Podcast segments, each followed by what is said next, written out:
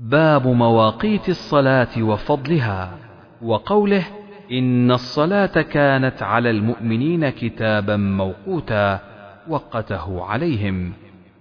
حدثنا عبد الله بن مسلمة قال قرأت على مالك عن ابن شهاب أن عمر بن عبد العزيز أخر الصلاة يوما فدخل عليه عروة بن الزبير فأخبره أن المغيرة بن شعبة أخر الصلاة يوما وهو بالعراق.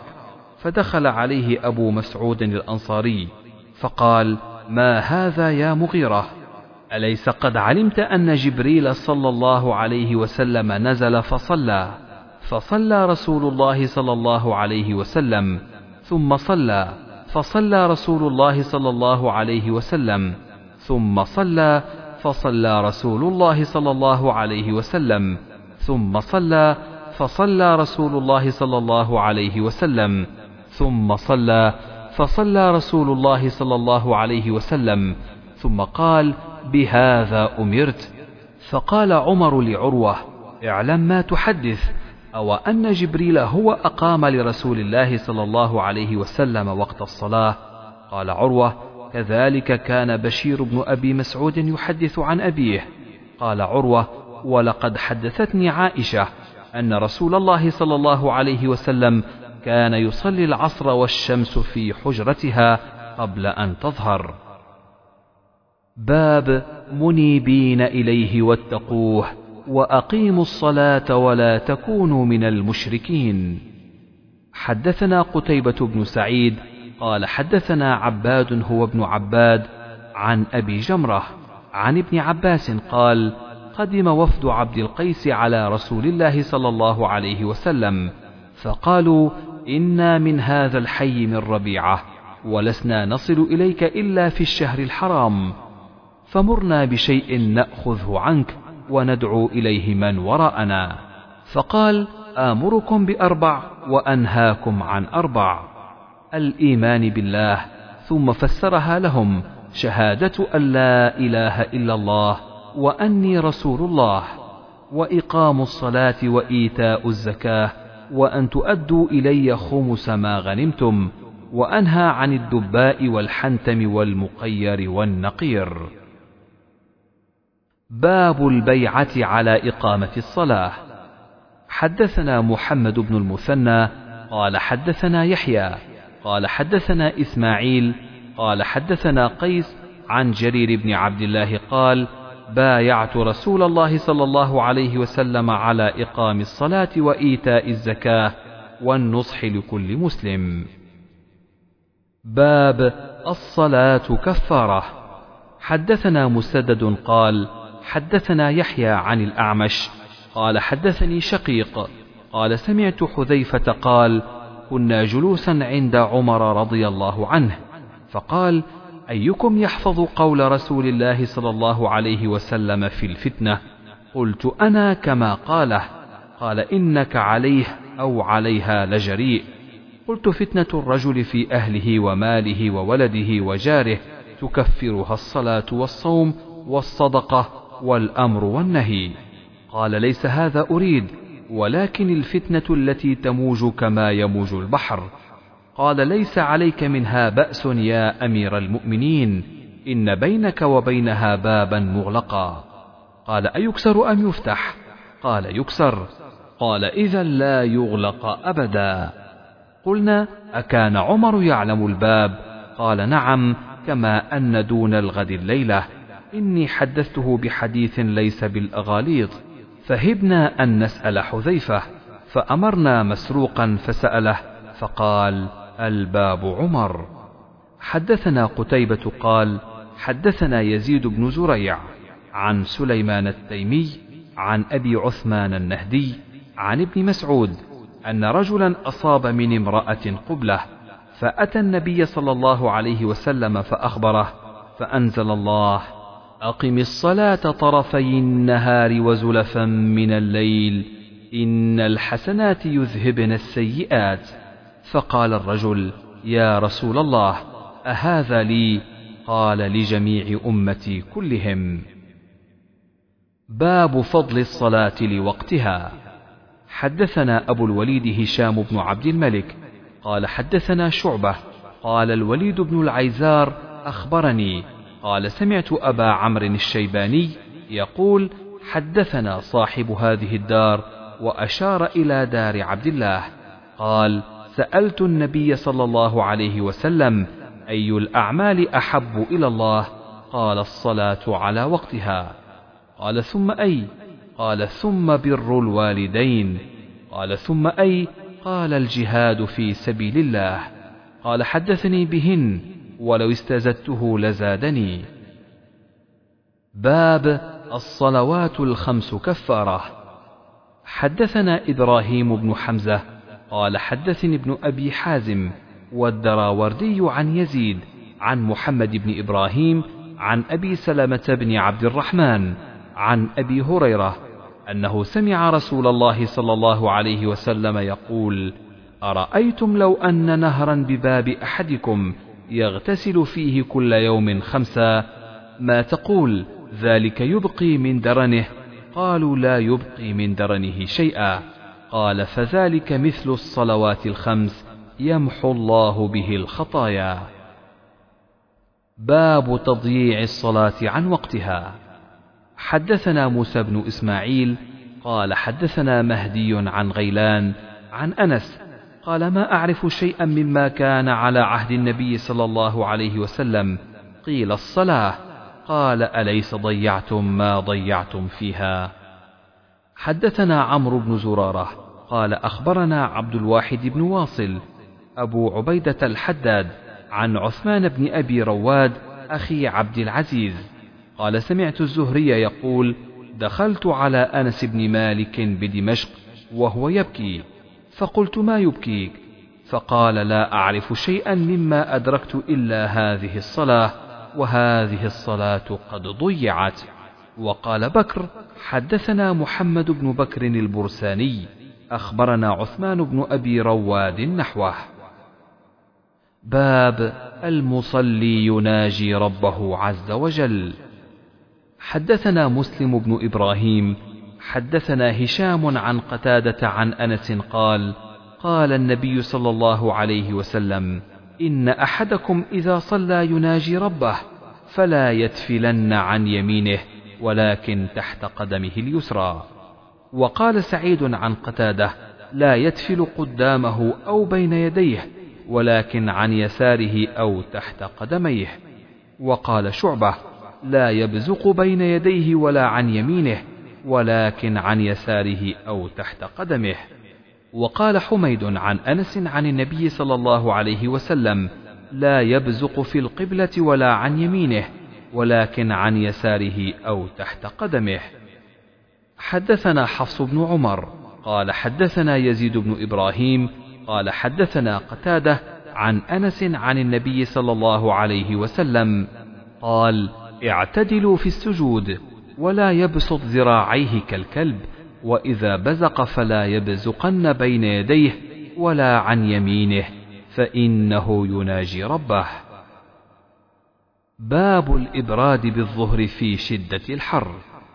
حدثنا أيوب بن سليمان قال حدثنا أبو بكر عن سليمان قال صالح بن كيسان حدثنا الأعرج عبد الرحمن وغيره عن أبي هريرة ونافع مولى عبد الله بن عمر عن عبد الله بن عمر أنهما حدثاه عن رسول الله صلى الله عليه وسلم أنه قال إذا اشتد الحر فأبردوا عن الصلاة فإن شدة الحر من فيح جهنم. حدثنا ابن بشار قال حدثنا غندر قال حدثنا شعبة عن المهاجر أبي الحسن سمع زيد بن وهب عن أبي ذر قال أذن مؤذن النبي صلى الله عليه وسلم الظهر فقال أبرد أبرد أو قال انتظر انتظر. وقال شدة الحر من فيح جهنم فإذا اشتد الحر فأبردوا عن الصلاة حتى رأينا فيء التلول. حدثنا علي بن عبد الله قال حدثنا سفيان قال حفظناه من الزهري عن سعيد بن المسيب عن أبي هريرة عن النبي صلى الله عليه وسلم قال إذا اشتد الحر فأبردوا بالصلاة فإن شدة الحر من فيح جهنم واشتكت النار إلى ربها فقالت يا رب أكل بعضي بعضا؟ فأذن لها بنفسين نفس في الشتاء ونفس في الصيف فهو أشد ما تجدون من الحر وأشد ما تجدون من الزمهرير. حدثنا عمر بن حفص قال حدثنا أبي قال حدثنا الأعمش حدثنا أبو صالح عن أبي سعيد قال قال رسول الله صلى الله عليه وسلم أبردوا بالظهر فإن شدة الحر من فيح جهنم. تابعه سفيان ويحيى وأبو عوانة عن الأعمش. باب الإبراد بالظهر في السفر. حدثنا آدم بن إياس قال حدثنا شعبة قال حدثنا مهاجر أبو الحسن. مولى لبني تيم الله. قال سمعت زيد بن وهب عن أبي ذر الغفاري قال كنا مع النبي صلى الله عليه وسلم في سفر فأراد المؤذن أن يؤذن للظهر فقال النبي صلى الله عليه وسلم أبرد. ثم أراد أن يؤذن فقال له أبرد حتى رأينا فيء التلول. فقال النبي صلى الله عليه وسلم إن شدة الحر من فيح جهنم فإذا اشتد الحر فأبردوا بالصلاة. وقال ابن عباس تتفيأ تتميل. باب وقت الظهر عند الزوال. وقال جابر كان النبي صلى الله عليه وسلم يصلي بالهاجرة. حدثنا أبو اليمان قال أخبرنا شعيب عن الزهري قال أخبرني أنس بن مالك أن رسول الله صلى الله عليه وسلم خرج حين زاغت الشمس فصلى الظهر فقام على المنبر فذكر الساعة فذكر أن فيها أمورا عظاما. ثم قال من أحب أن يسأل عن شيء فليسأل. فلا تسألوني عن شيء إلا أخبرتكم ما دمت في مقامي هذا. فأكثر الناس في البكاء وأكثر أن يقول سلوني. فقام عبد الله بن حذافة السهمي فقال من أبي قال أبوك حذافة. ثم أكثر أن يقول سلوني. فبرك عمر على ركبتيه فقال رضينا بالله ربا وبالإسلام دينا وبمحمد نبيا. فسكت ثم قال عرضت علي الجنة والنار آنفا في عرض هذا الحائط فلم أرك الخير والشر. حدثنا حفص بن عمر قال حدثنا شعبة عن أبي المنهال عن أبي برزة. كان النبي صلى الله عليه وسلم يصلي الصبح وأحدنا يعرف جليسه ويقرأ فيها ما بين الستين إلى المئة ويصلي الظهر إذا زالت الشمس. والعصر وأحدنا يذهب إلى أقصى المدينة رجع والشمس حية ونسيت ما قال في المغرب.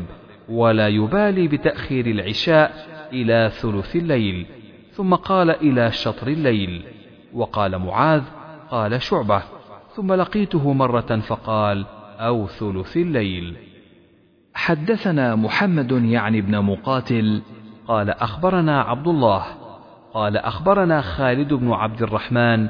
حدثني غالب القطان عن بكر بن عبد الله المزني عن أنس بن مالك قال كنا إذا صلينا خلف رسول الله صلى الله عليه وسلم بالظهائر فسجدنا على ثيابنا اتقاء الحر. باب تأخير الظهر إلى العصر. حدثنا أبو النعمان قال حدثنا حماد هو ابن زيد عن عمرو بن دينار عن جابر بن زيد عن ابن عباس أن النبي صلى الله عليه وسلم صلى بالمدينة سبعا وثمانية الظهر والعصر والمغرب والعشاء. فقال أيوب لعله في ليلة مطيرة. قال عسى. باب وقت العصر. وقال أبو أسامة عن هشام من قعر حجرتها. حدثنا إبراهيم بن المنذر.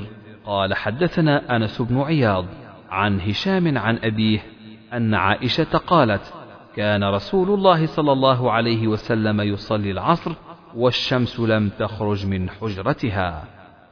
حدثنا قتيبة قال حدثنا الليث عن ابن شهاب عن عروة عن عائشة أن رسول الله صلى الله عليه وسلم صلى العصر والشمس في حجرتها لم يظهر الفيء من حجرتها.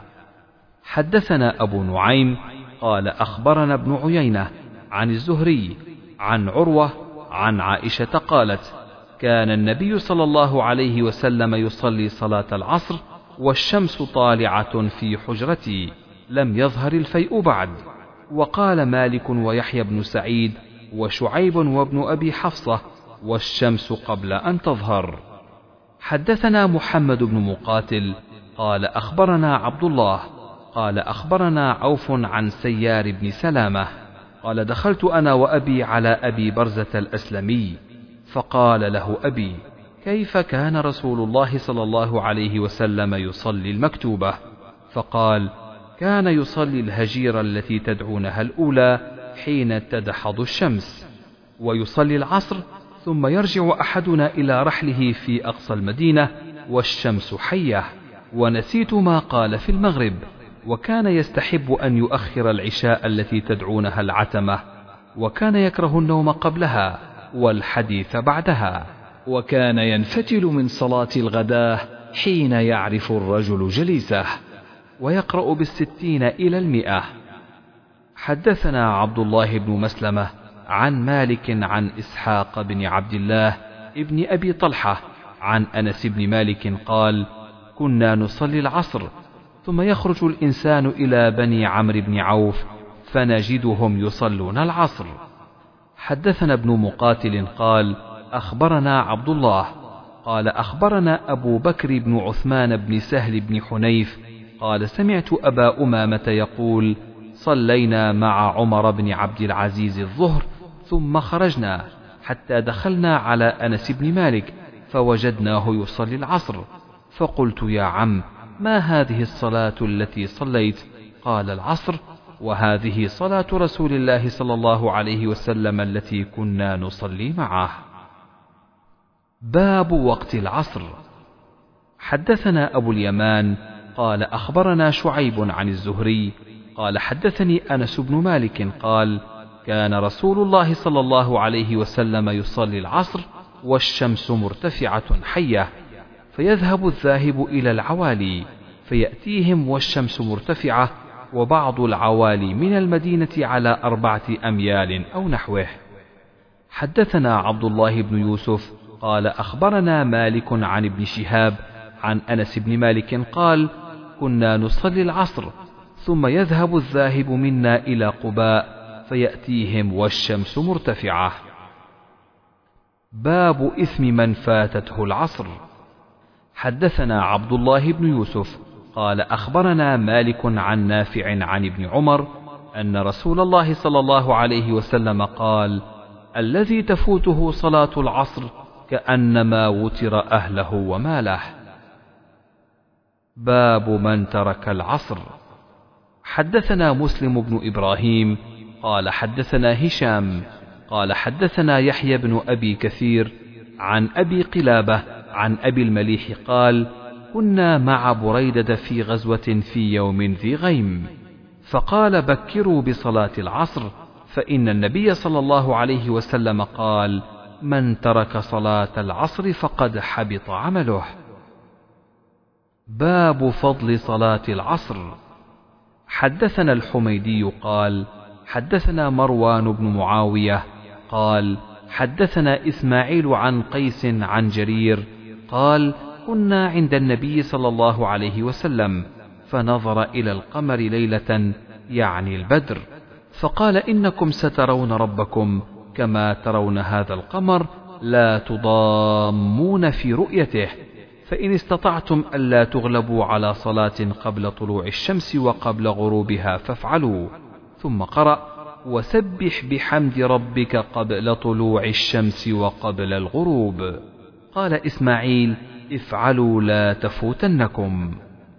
حدثنا عبد الله بن يوسف قال حدثنا مالك عن أبي الزناد عن الأعرج عن أبي هريرة أن رسول الله صلى الله عليه وسلم قال يتعاقبون فيكم ملائكة بالليل وملائكة بالنهار ويجتمعون في صلاة الفجر وصلاة العصر ثم يعرج الذين باتوا فيكم فيسألهم وهو أعلم بهم كيف تركتم عبادي؟ فيقولون تركناهم وهم يصلون وأتيناهم وهم يصلون. باب من أدرك ركعة من العصر قبل الغروب. حدثنا أبو نعيم قال حدثنا شيبان عن يحيى عن أبي سلمة عن أبي هريرة قال قال رسول الله صلى الله عليه وسلم إذا أدرك أحدكم سجدة من صلاة العصر قبل أن تغرب الشمس فليتم صلاته.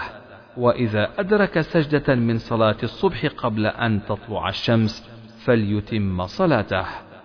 حدثنا عبد العزيز بن عبد الله قال حدثني إبراهيم عن ابن شهاب عن سالم بن عبد الله عن أبيه أنه أخبره أنه سمع رسول الله صلى الله عليه وسلم يقول: إنما بقاؤكم فيما سلف قبلكم من الأمم كما بين صلاة العصر إلى غروب الشمس.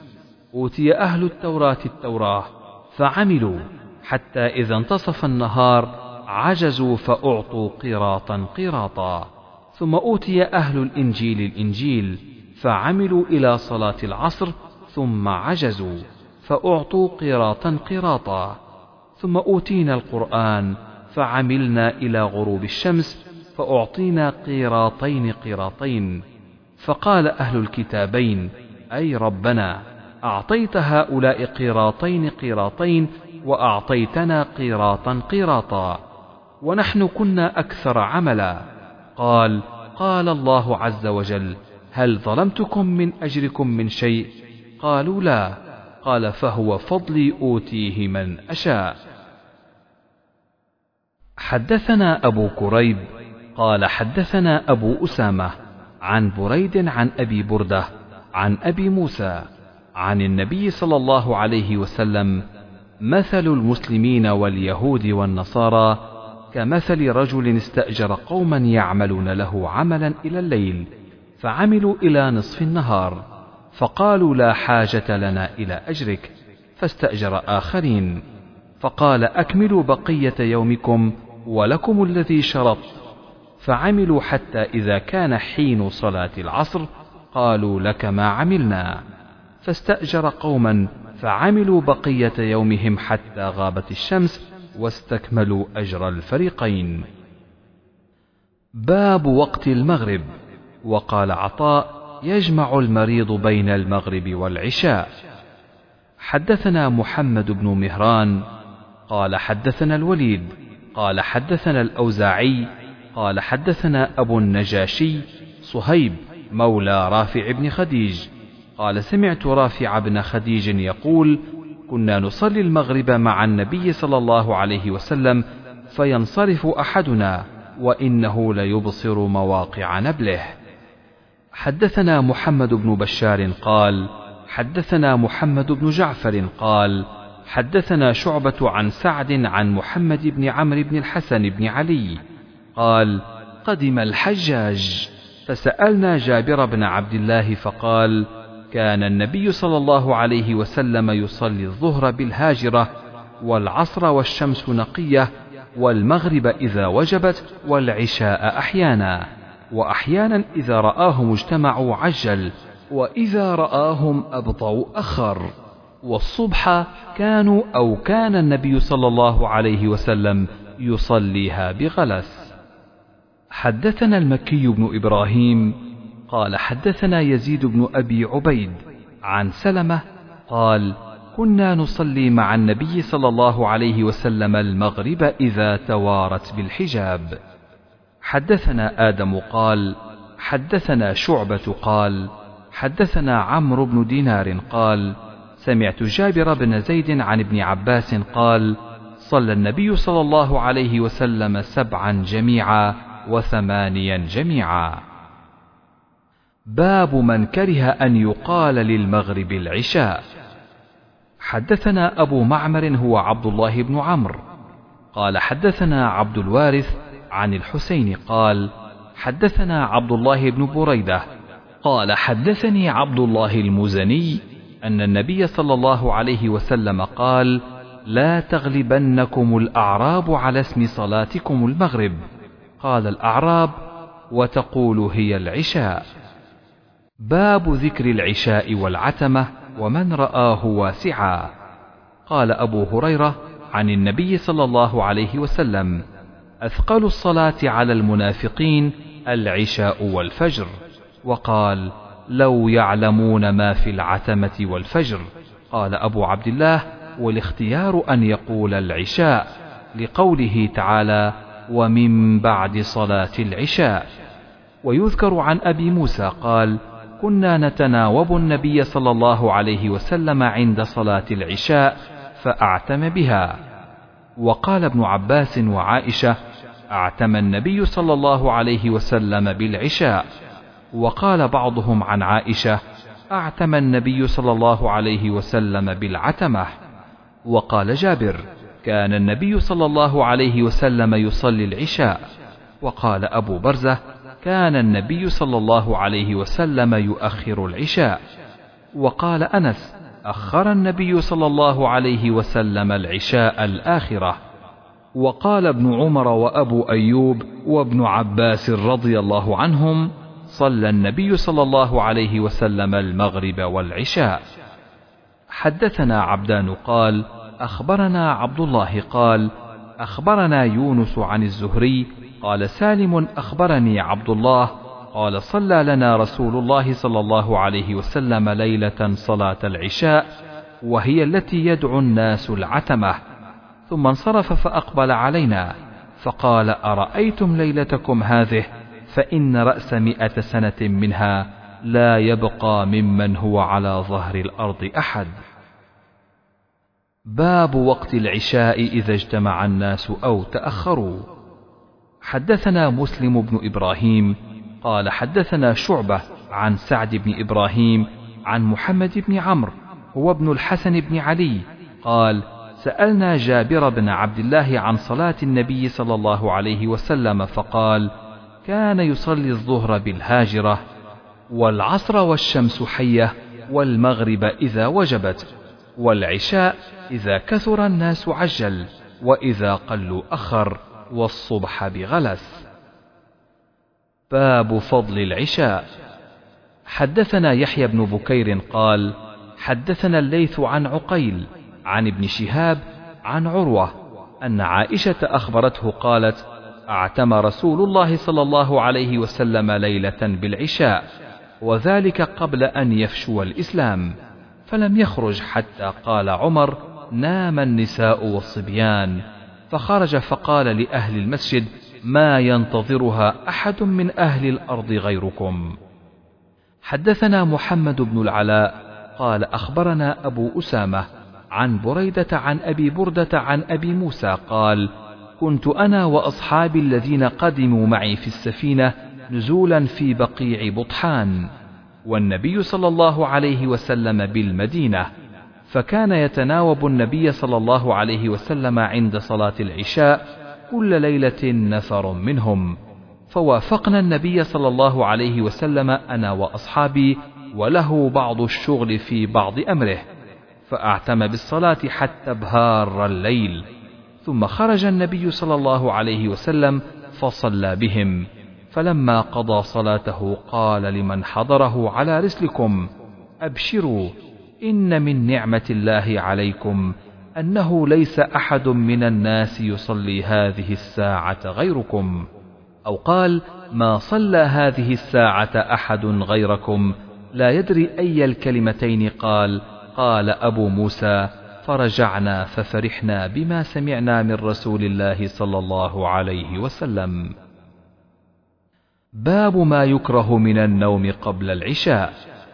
حدثنا محمد بن سلام قال أخبرنا عبد الوهاب الثقفي قال حدثنا خالد الحذاء عن أبي المنهال عن أبي برزة أن رسول الله صلى الله عليه وسلم كان يكره النوم قبل العشاء والحديث بعدها.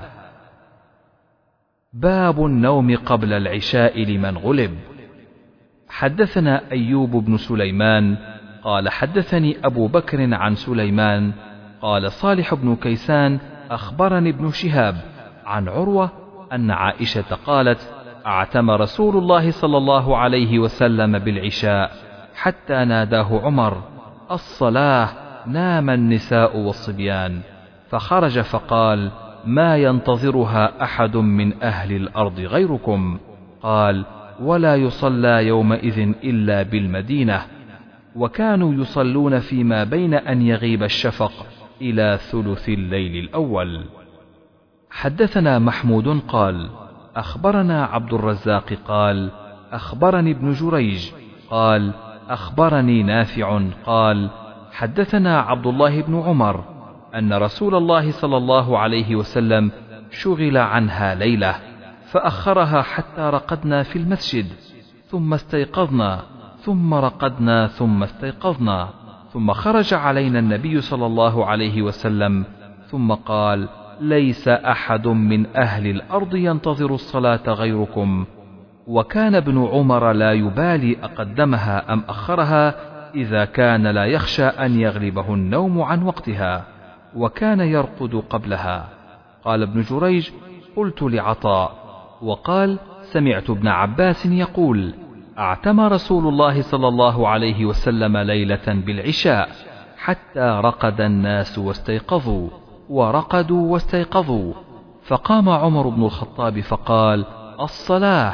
قال عطاء قال ابن عباس فخرج نبي الله صلى الله عليه وسلم كأني أنظر إليه الآن يقطر رأسه ماء واضعا يده على رأسه فقال لولا أن أشق على أمتي لأمرتهم أن يصلوها هكذا. فاستثبت عطاء كيف وضع النبي صلى الله عليه وسلم على رأسه يده كما أنبأه ابن عباس فبدد لي عطاء بين أصابعه شيئا من تبديد ثم وضع أطراف أصابعه على قرن الرأس ثم ضمها يمرها كذلك على الرأس حتى مست إبهامه طرف الأذن مما يلي الوجه على الصدغ. وناحية اللحية لا يقصر ولا يبطش إلا كذلك. وقال لولا أن أشق على أمتي لأمرتهم أن يصلوها هكذا. باب وقت العشاء إلى نصف الليل. وقال أبو برزة كان النبي صلى الله عليه وسلم يستحب تأخيرها. حدثنا عبد الرحيم المحاربي قال حدثنا زائدة عن حميد الطويل عن أنس قال أخر النبي صلى الله عليه وسلم صلاة العشاء إلى نصف الليل ثم صلى ثم قال قد صلى الناس وناموا أما إنكم في صلاة ما انتظرتموها؟ وزاد ابن أبي مريم أخبرنا يحيى بن أيوب حدثني حميد سمع أنس كأني أنظر إلى وبيص خاتمه ليلة إذ. باب فضل صلاة الفجر.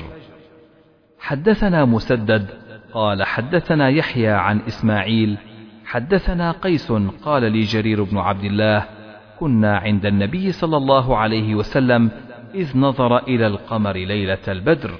فقال أما إنكم سترون ربكم كما ترون هذا لا تضامون أو لا تضاهون في رؤيته فإن استطعتم ألا تغلبوا على صلاة قبل طلوع الشمس وقبل غروبها فافعلوا. ثم قال فسبح بحمد ربك قبل طلوع الشمس وقبل غروبها. حدثنا هدبة بن خالد قال حدثنا همام حدثني أبو جمرة عن أبي بكر بن أبي موسى عن أبيه أن رسول الله صلى الله عليه وسلم قال من صلى البردين دخل الجنة. وقال ابن رجاء حدثنا همام عن أبي جمرة أن أبا بكر بن عبد الله بن قيس أخبره بهذا. حدثنا إسحاق عن حبان حدثنا همام حدثنا أبو جمرة عن أبي بكر بن عبد الله عن أبيه عن النبي صلى الله عليه وسلم مثله. باب وقت الفجر. حدثنا عمرو بن عاصم قال حدثنا همام عن قتادة عن أنس أن زيد بن ثابت حدثه أنهم تسحروا مع النبي صلى الله عليه وسلم ثم قاموا إلى الصلاة. قلت كم بينهما؟ قال قدر خمسين أو ستين يعني آية. حا. حدثنا حسن بن صباح. سمع روحا. حدثنا سعيد عن قتادة عن أنس بن مالك أن نبي الله صلى الله عليه وسلم وزيد بن ثابت تسحرا. فلما فرغا من سحورهما قام نبي الله صلى الله عليه وسلم إلى الصلاة فصلى. قلنا لأنس كم كان بين فراغهما من سحورهما ودخولهما في الصلاة؟ قال قدر ما يقرأ الرجل خمسين آية. حدثنا إسماعيل بن أبي أويس عن أخيه عن سليمان عن أبي حازم أنه سمع سهل بن سعد يقول كنت أتسحر في أهلي ثم يكون سرعة بي أن أدرك صلاة الفجر مع رسول الله صلى الله عليه وسلم. حدثنا يحيى بن بكير قال أخبرنا الليث عن عقيل عن ابن شهاب. قال أخبرني عروة بن الزبير أن عائشة أخبرته قالت كن نساء المؤمنات يشهدن مع رسول الله صلى الله عليه وسلم صلاة الفجر متلفعات بمروطهن ثم ينقلبن إلى بيوتهن حين يقضين الصلاة لا يعرفهن أحد من الغلس. باب من أدرك من الفجر ركعة. حدثنا عبد الله بن مسلمة. عن مالك عن زيد بن أسلم عن عطاء بن يسار وعن بسر بن سعيد وعن الأعرج يحدثونه عن أبي هريرة أن رسول الله صلى الله عليه وسلم قال: من أدرك من الصبح ركعة قبل أن تطلع الشمس فقد أدرك الصبح، ومن أدرك ركعة من العصر قبل أن تغرب الشمس فقد أدرك العصر. باب من أدرك من الصلاة ركعة. حدثنا عبد الله بن يوسف قال أخبرنا مالك عن ابن شهاب عن أبي سلمة بن عبد الرحمن عن أبي هريرة أن رسول الله صلى الله عليه وسلم قال: من أدرك ركعة من الصلاة فقد أدرك الصلاة. باب الصلاة بعد الفجر حتى ترتفع الشمس. حدثنا حفص بن عمر قال حدثنا هشام عن قتادة عن أبي العالية عن ابن عباس قال: شهد عندي رجال مرضيون وأرضاهم عندي عمر أن النبي صلى الله عليه وسلم نهى عن الصلاة بعد الصبح حتى تشرق الشمس وبعد العصر حتى تغرب. حدثنا مسدد قال حدثنا يحيى عن شعبة عن قتادة سمعت أبا العالية عن ابن عباس قال حدثني ناس بهذا. حدثنا مسدد قال حدثنا يحيى بن سعيد. عن هشام قال أخبرني أبي. قال أخبرني ابن عمر. قال قال رسول الله صلى الله عليه وسلم لا تحروا بصلاتكم طلوع الشمس ولا غروبها. وقال حدثني ابن عمر. قال قال رسول الله صلى الله عليه وسلم إذا طلع حاجب الشمس فاخروا الصلاة حتى ترتفع وإذا غاب حاجب الشمس فأخروا الصلاة حتى تغيب تابعه عبده. حدثنا عبيد بن إسماعيل عن أبي أسامة عن عبيد الله عن خبيب بن عبد الرحمن عن حفص بن عاصم عن أبي هريرة أن رسول الله صلى الله عليه وسلم نهى عن بيعتين وعن لبستين وعن صلاتين نهى عن الصلاة بعد الفجر حتى تطلع الشمس وبعد العصر حتى تغرب الشمس وعن اشتمال الصماء وعن الاحتباء في ثوب واحد يفضي بفرجه إلى السماء وعن المنابذة والملامسة. باب لا يتحرى الصلاة قبل غروب الشمس. حدثنا عبد الله بن يوسف قال أخبرنا مالك عن نافع عن ابن عمر أن رسول الله صلى الله عليه وسلم قال: لا يتحرى أحدكم فيصلي عند طلوع الشمس ولا عند غروبها. حدثنا عبد العزيز بن عبد الله قال حدثنا إبراهيم بن سعد عن صالح عن ابن شهاب قال: أخبرني عطاء بن يزيد الجندعي أنه سمع أبا سعيد الخدري يقول: سمعت رسول الله صلى الله عليه وسلم يقول: لا صلاة بعد الصبح حتى ترتفع الشمس ولا صلاة بعد العصر حتى تغيب الشمس. حدثنا محمد بن أبان قال حدثنا غندر قال حدثنا شعبة عن أبي التياح قال سمعت حمران بن أبان يحدث عن معاوية قال إنكم لتصلون صلاة لقد صحبنا رسول الله صلى الله عليه وسلم فما رأيناه يصليها ولقد نهى عنهما يعني الركعتين بعد العصر.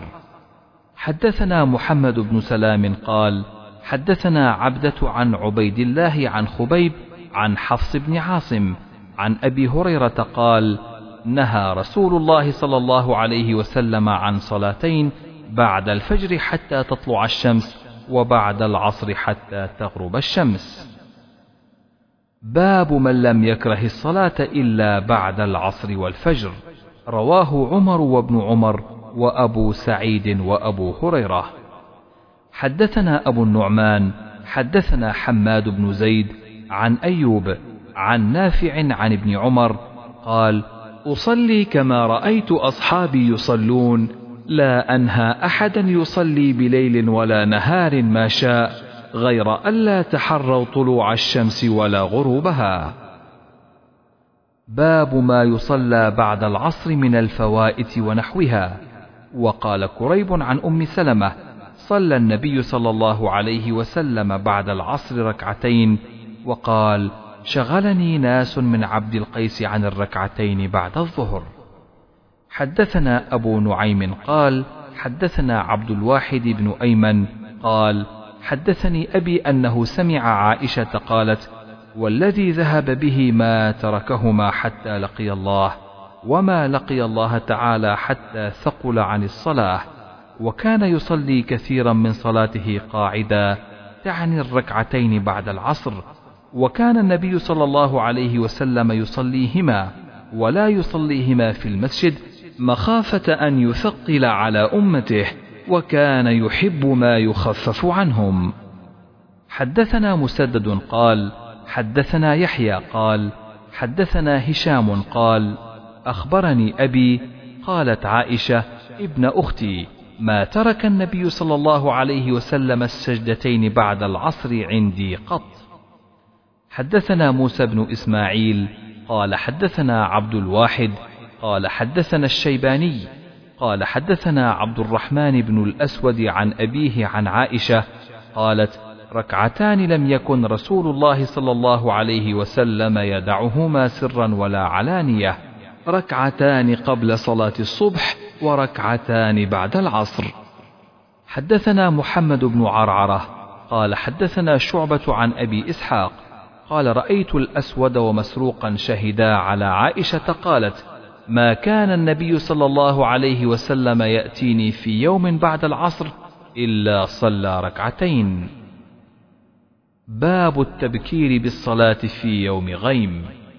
حدثنا معاذ بن فضالة قال حدثنا هشام عن يحيى هو ابن أبي كثير عن أبي قلابة أن أبا المليح حدثه قال كنا مع بريدة في يوم ذي غيم فقال بكروا بالصلاة فإن النبي صلى الله عليه وسلم قال من ترك صلاة العصر حبط عمله. باب الأذان بعد ذهاب الوقت. حدثنا عمران بن ميسرة قال حدثنا محمد بن فضيل قال حدثنا حسين عن عبد الله بن أبي قتادة عن أبيه قال سرنا مع النبي صلى الله عليه وسلم ليلة. فقال بعض القوم لو عرست بنا يا رسول الله. قال أخاف أن تناموا عن الصلاة. قال بلال أنا أوقظكم. فاضطجعوا وأسند بلال ظهره إلى راحلته فغلبته عيناه. فنام فاستيقظ النبي صلى الله عليه وسلم وقد طلع حاجب الشمس. فقال يا بلال أين ما قلت؟ قال ما ألقيت علي نومة مثلها قط. قال إن الله قبض أرواحكم حين شاء وردها عليكم حين شاء. يا بلال قم فأذن بالناس بالصلاة. فتوضأ فلما ارتفعت الشمس وبياضت قام فصلى. باب من صلى بالناس جماعة بعد ذهاب الوقت. حدثنا معاذ بن فضالة قال حدثنا هشام عن يحيى عن أبي سلمة عن جابر بن عبد الله. أن عمر بن الخطاب جاء يوم الخندق بعدما غربت الشمس فجعل يسب كفار قريش. قال يا رسول الله ما كدت أصلي العصر حتى كادت الشمس تغرب. قال النبي صلى الله عليه وسلم والله ما صليتها. فقمنا إلى بطحان فتوضأ للصلاة وتوضأنا لها. فصلى العصر بعدما غربت الشمس ثم صلى بعدها المغرب. باب من نسي صلاة فليصل إذا ذكرها ولا يعيد إلا تلك الصلاة. وقال إبراهيم من ترك صلاة واحدة عشرين سنة لم يعد إلا تلك الصلاة الواحدة. حدثنا أبو نعيم وموسى بن إسماعيل قال حدثنا همام عن قتادة عن أنس عن النبي صلى الله عليه وسلم قال من نسي صلاة فليصل إذا ذكرها لا كفارة لها إلا ذلك وأقم الصلاة لذكري. قال موسى قال همام سمعته يقول بعد وأقم الصلاة لذكري. وقال حبان حدثنا همام حدثنا قتادة حدثنا أنس عن النبي صلى الله عليه وسلم نحوه. باب قضاء الصلوات الأولى فالأولى. حدثنا مسدد قال حدثنا يحيى عن هشام قال حدثنا يحيى هو ابن أبي كثير عن أبي سلمة عن جابر قال جعل عمر يوم الخندق يسب كفارهم وقال ما كدت أصلي العصر حتى غربت. قال فنزلنا بطحان فصلى بعدما غربت الشمس ثم صلى المغرب. باب ما يكره من السمر بعد العشاء. حدثنا مسدد قال حدثنا يحيى قال حدثنا عوف قال حدثنا أبو المنهال قال انطلقت مع أبي إلى أبي برزة الأسلمي فقال له أبي حدثنا كيف كان رسول الله صلى الله عليه وسلم يصلي المكتوبة؟ قال كان يصلي الهجير وهي التي تدعونها الأولى حين تدحض الشمس ويصلي العصر ثم يرجع أحدنا إلى أهله في أقصى المدينة والشمس حية. ونسيت ما قال في المغرب. قال وكان يستحب أن يؤخر العشاء. قال وكان يكره النوم قبلها والحديث بعدها. وكان ينفتل من صلاة الغداة حتى يعرف أحدنا جليسه ويقرأ من الستين إلى المئة. باب السمر في الفقه والخير بعد العشاء. حدثنا عبد الله بن الصباح قال حدثنا أبو علي الحنفي حدثنا قرة بن خالد قال انتظرنا الحسن وراث علينا حتى قربنا من وقت قيامه. فجاء فقال دعانا جيراننا هؤلاء. ثم قال قال أنس نظرنا النبي صلى الله عليه وسلم ذات ليلة حتى كان شطر الليل يبلغه. فجاء فصلى لنا ثم خطبنا فقال ألا إن الناس قد صلوا ثم رقدوا؟ إنكم لم تزالوا في صلاة ما انتظرتم الصلاة. قال الحسن وإن القوم لا يزالون بخير ما انتظروا الخير. قال قرة هو من حديث أنس عن النبي صلى الله عليه وسلم.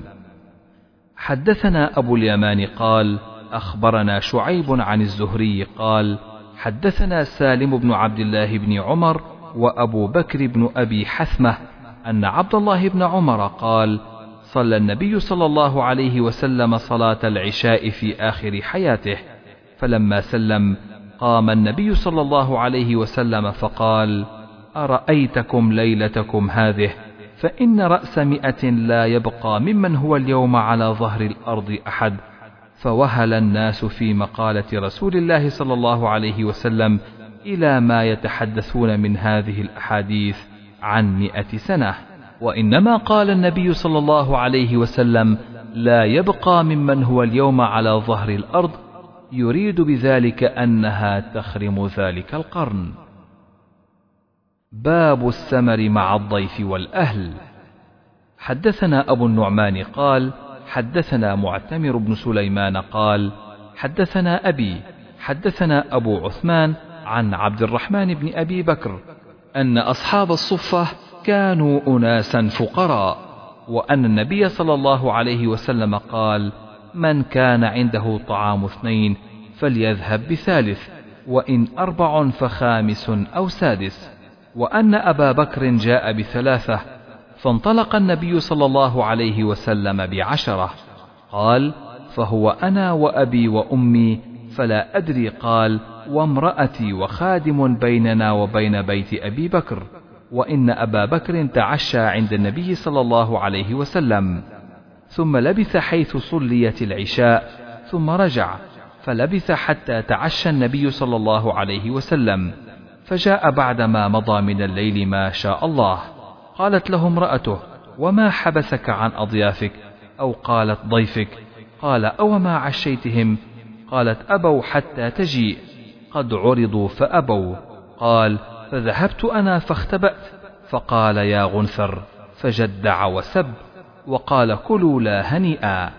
فقال والله لا أطعمه أبدا. ويم الله ما كنا نأخذ من لقمة إلا ربى من أسفلها أكثر منها. قال يعني حتى شبعوا وصارت أكثر مما كانت قبل ذلك فنظر إليها أبو بكر فإذا هي كما هي أو أكثر منها. فقال لامرأته يا أخت بني فراس ما هذا؟ قالت لا وقرة عيني لهي الآن أكثر منها قبل ذلك بثلاث مرات. فأكل منها أبو بكر وقال إنما كان ذلك من الشيطان يعني يمينه. ثم أكل منها لقمة ثم حملها إلى النبي صلى الله عليه وسلم فأصبحت عنده. وكان بيننا وبين قوم عقد فمضى الأجل.